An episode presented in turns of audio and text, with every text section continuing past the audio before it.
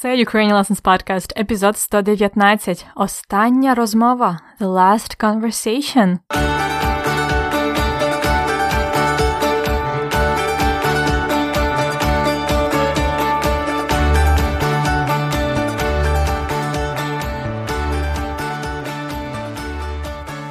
Привіт! Це Анна Огойко з подкастом Уроки української.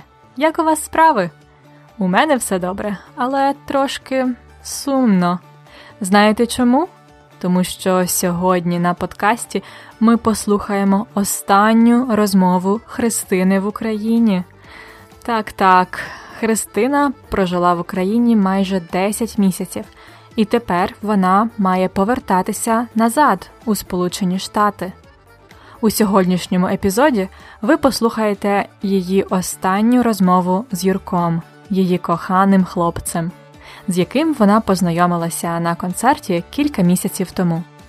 Що вони скажуть одне одному? Чи домовляться вони зустрітися знову? Чи будуть вони далі зустрічатися? Може, на відстані? Можливо, ми дізнаємося про це з їхньої розмови.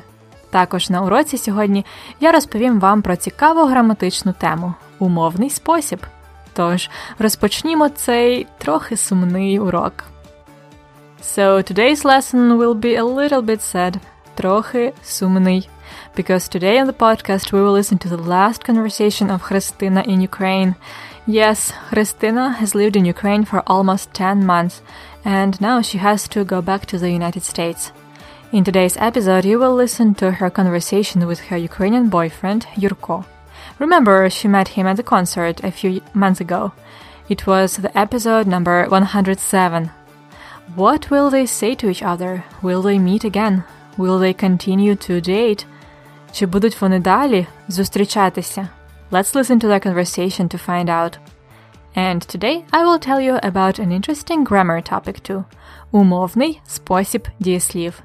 The conditional mood of verbs. Let's start. Почнімо. Отже, якщо ви слухали попередні епізоди, то ви пам'ятаєте Юрка. Юрко це хлопець Христини. Він музикант і аспірант. А Христина це американка. Вона працює в Україні в школі, але вона має скоро повертатися в Сполучені Штати. У неї був контракт на один рік. Послухайте, будь ласка, розмову Христини і Юрка і знайдіть відповідь на запитання: чи може Юрко поїхати в Сполучені Штати? Can Юрко go to the United States? Чи може Христина залишитися довше в Україні? Can Христина stay in Ukraine longer? Чи може Юрко поїхати в Сполучені Штати? Чи може Христина залишитися довше в Україні? Слухайте і дізнайтеся. Кохана, нагадай, будь ласка, коли у тебе завтра літак? О 9 ранку. Так, отже, я замовлю нам таксі заздалегідь на шосту. Я б замовила ще раніше. Я завжди боюся запізнитися на літак. На п'яту тридцять тоді. Ти поїдеш зі мною? Це дуже рано і в тебе робота. Ну що ти таке говориш? Звичайно, я поїду з тобою. Посаджу тебе на літак, обійму на прощання, а потім почну сумувати. А що потім? Навіть не знаю. Юр, а чому б тобі не податись на американську візу? Я написала б тобі запрошення. Ти ж міг би взяти влітку відпустку десь так на місяць, правда? Христинко, якби у мене була віза, я б полетів з тобою хоч завтра, хоч на край світу. Е, Я тобі не говорив, але кілька років тому я вже подавався на американську візу два рази і мені двічі відмовили. О, ні. А я б так хотіла, щоб ти приїхав. Я би тобі показала, де я живу. Ми їздили по національні парки, ходили б в походи. Так, так, Христинко, це все гарні мрії, але це майже стовідсотково не може статися. А чому б тобі не повернутися в Україну? У школі тебе всі люблять, тобі дали б роботу без проблем, ми могли б знімати разом квартиру. Ні, Юро, ти не зовсім розумієш мою ситуацію. Я б залюбки залишилася працювати в Україні, якби не треба було виплачувати кредит за навчання.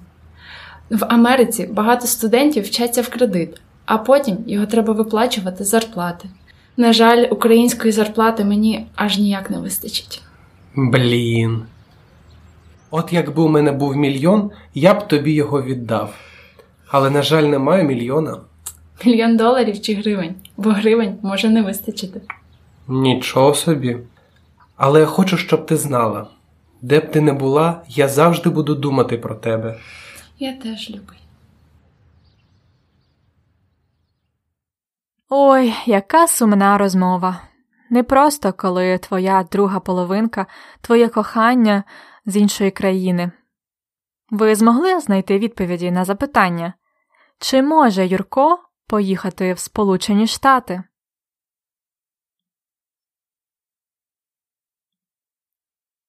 На жаль, ні. Він не може поїхати в Сполучені Штати. Христина пропонує йому податися на американську візу. Apply for an American visa.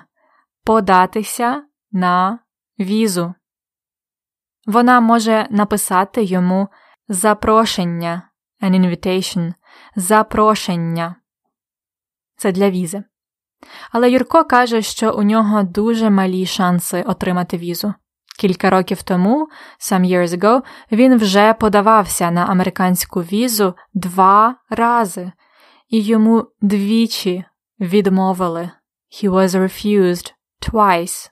Йому двічі відмовили. They refused, rejected his application twice. Відмовити to refuse, to say no, to reject. Відмовити. Христині сумно, бо вона б так хотіла, щоб він приїхав. She would like him to come so much.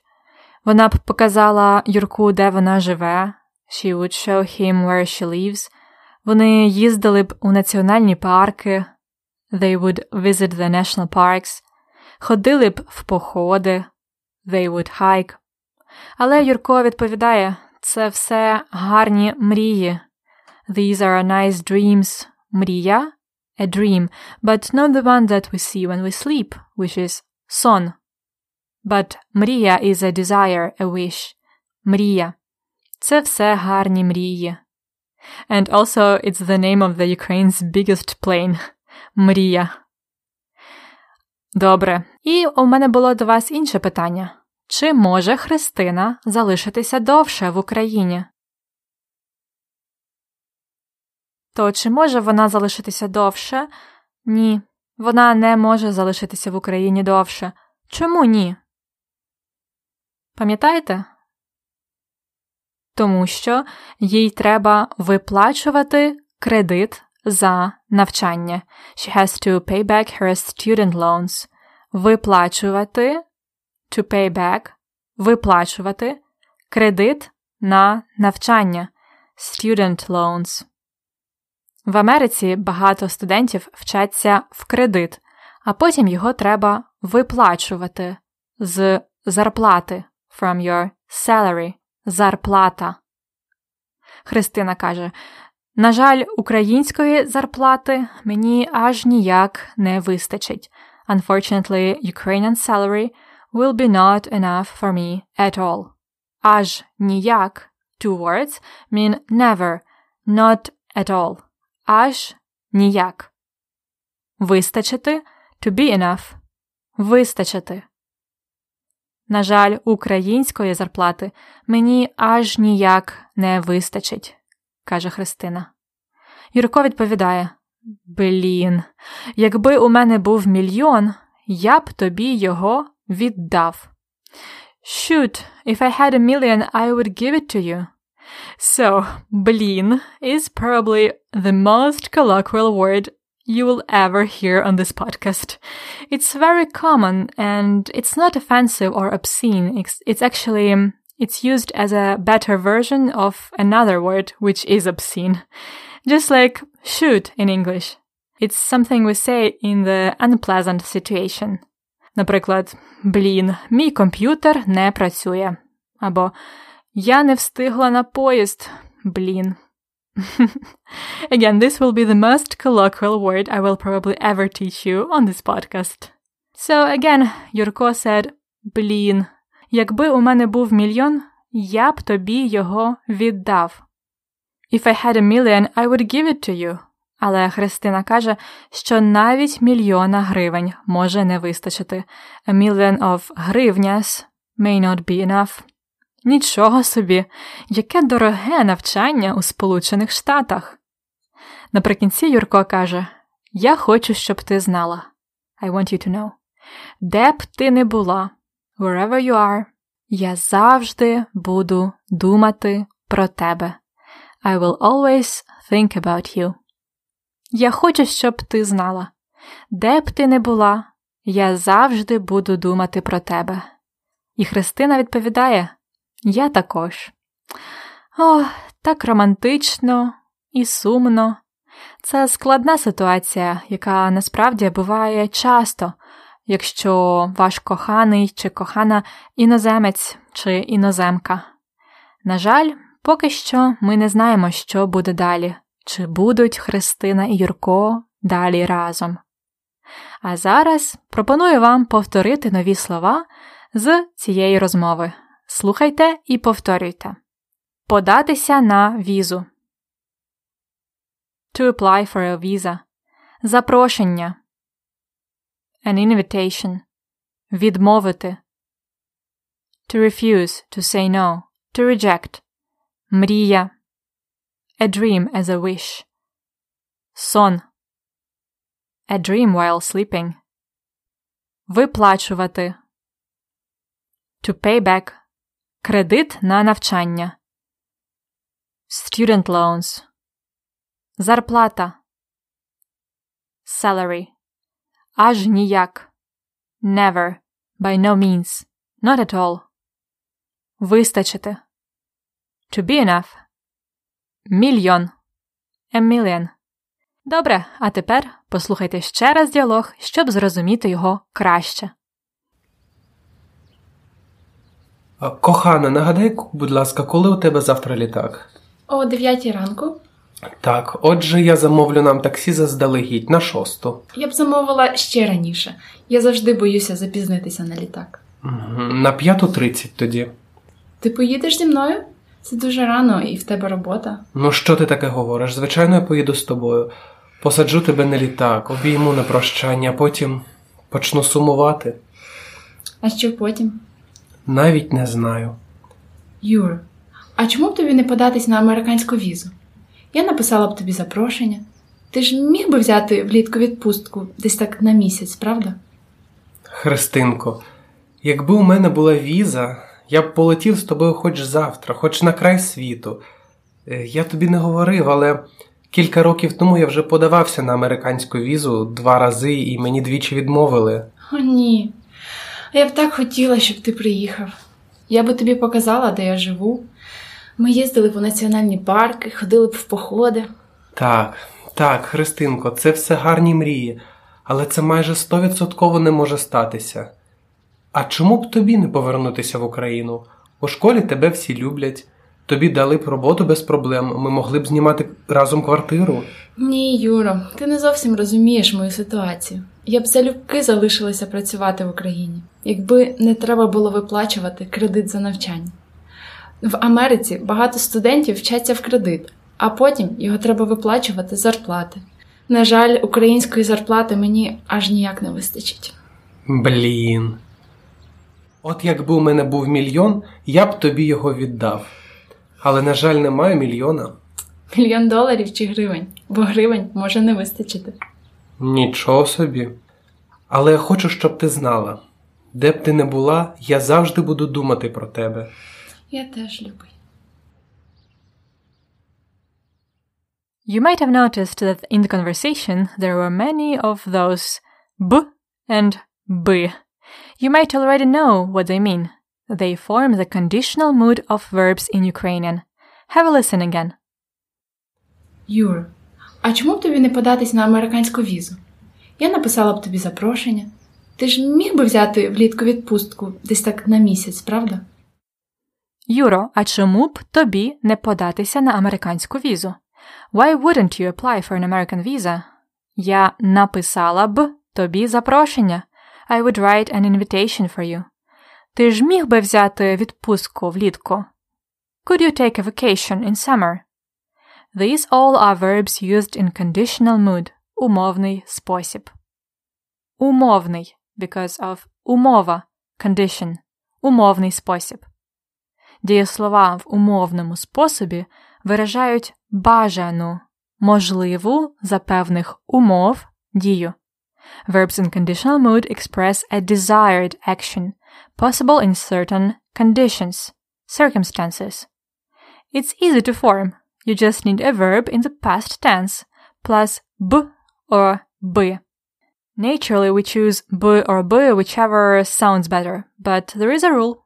Use b after a vowel and b after a consonant. So, я написала б тобі запрошення. Написала б.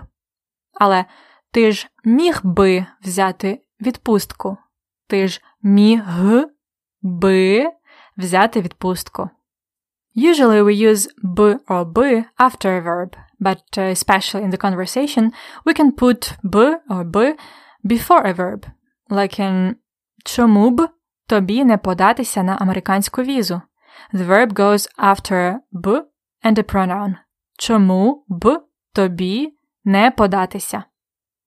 Now let's talk about how we use умовний спосіб. Obviously, it can be used as a condition. Have a listen. Христинко, якби у мене була віза, я б полетів з тобою хоч завтра, хоч на край світу. Христинко, якби у мене була віза, я б полетів з тобою хоч завтра. If I had a visa, I would fly with you even tomorrow. Я б полетів з тобою. This will be a classic example of the unreal conditional sentence. In one of the previous episodes, I have already mentioned the difference between якщо, if for the real conditional sentence, and якби, if for the unreal conditional sentence. So in fact, we use якщо with normal verbs, usually in the future, and we use якби with conditional mood in the second part of the sentence. Again, якби у мене була віза, if I had a visa, я б полетів з тобою хоч завтра.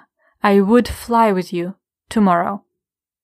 Another example from the dialogue is якби у мене був мільйон, if I had a million, я б тобі його віддав. I would give it to you. Якби у мене був мільйон, я б тобі його віддав. You can find more information about the difference between real and unreal conditional sentences in the lesson notes. And now, let's have a look at some other uses of the conditional mood. Just like in English, we use it to express a wish in a more polite form, like Я хотіла б склянку води. I would like a glass of water. You can just say Я хочу склянку води. Or Я хотіла б склянку води. It could also mean an informal suggestion, like in this example, listen. Я б замовила ще раніше. Я завжди боюся запізнитися на літак. Я б замовила таксі раніше. Я завжди боюся запізнитися на літак.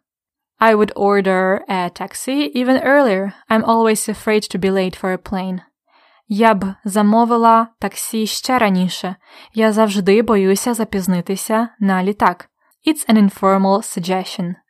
At last, we use the conditional mood in the negative structures, like хто б не, whoever, що б не, whatever, де б не, wherever. For example, що б ви не вирішили, я підтримаю вас. Whatever you decide, I will support you. Що б ви не вирішили. Listen to another example from the conversation. Але я хочу, щоб ти знала. Де б ти не була, я завжди буду думати про тебе. Юрко каже: Де б ти не була, я завжди буду думати про тебе. Wherever you are, I will always think about you. Де б ти не була, де б ти не була. Де б ви не були, ви можете слухати мої уроки української, правда? Також, де б ви не були, ви можете дізнатися більше на цю тему та зробити вправи у конспекті уроку. Wherever you are, you can find out more on this topic and do the exercises in the lesson notes. Дієслово дня. Ви послухали сьогодні останню розмову між Христинкою та Юрком. Завтра вони поїдуть в аеропорт і попрощаються. Дієслово дня прощатись, прощатися, прощатися з плюс орудний відмінок. It means to say goodbye to someone, to bid farewell. Usually we use it uh, to say goodbye for leaving for a long time. And do not confuse it with прощати, to forgive. Прощатися, to say goodbye. Прощатися це недоконаний вид. Доконаний вид попрощатися. Прощатися у теперішньому часі я прощаюся.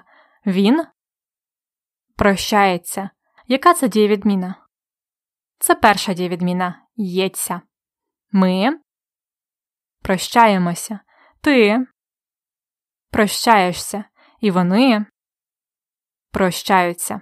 У минулому часі недоконаний вид. Вони прощались. І доконаний вид вони попрощались. Вони довго прощались. Continuous action. Вони попрощались, і Христина пішла на літак. One-time action. І у майбутньому часі завтра Христина і Юрко будуть прощатися, а у доконаному виді вони попрощаються, так само, як теперішній час, тільки з по. Я попрощаюсь. Він попрощається. Вони попрощаються. Так, наступного разу я буду з вами прощатися, тому що це буде останній епізод третього сезону. Фразеологізм дня. Послухайте, будь ласка, уривок діалогу з фразеологізмом дня. Христинко, якби у мене була віза, я б полетів з тобою хоч завтра, хоч на край світу. Юрко каже Якби у мене була віза, я б полетів з тобою хоч завтра, хоч на край світу. If I had a visa, I would fly with you even tomorrow, even to the ends of the earth. Фразеологізм дня хоч на край світу. Literally, even to the edge of the world. Край світу. Хоч на край світу. Це означає to be ready to go anywhere with someone or for someone. To the ends of the earth. Якби у мене була віза, я б полетів з тобою хоч завтра, хоч на край світу, каже Юрко. Інший приклад. Куди поїдемо у відпустку? Where will we go on vacation? Хоч на край світу, аби тільки разом. Anywhere in the world, just the two of us, together, разом. А до кого ви б поїхали, хоч на край світу?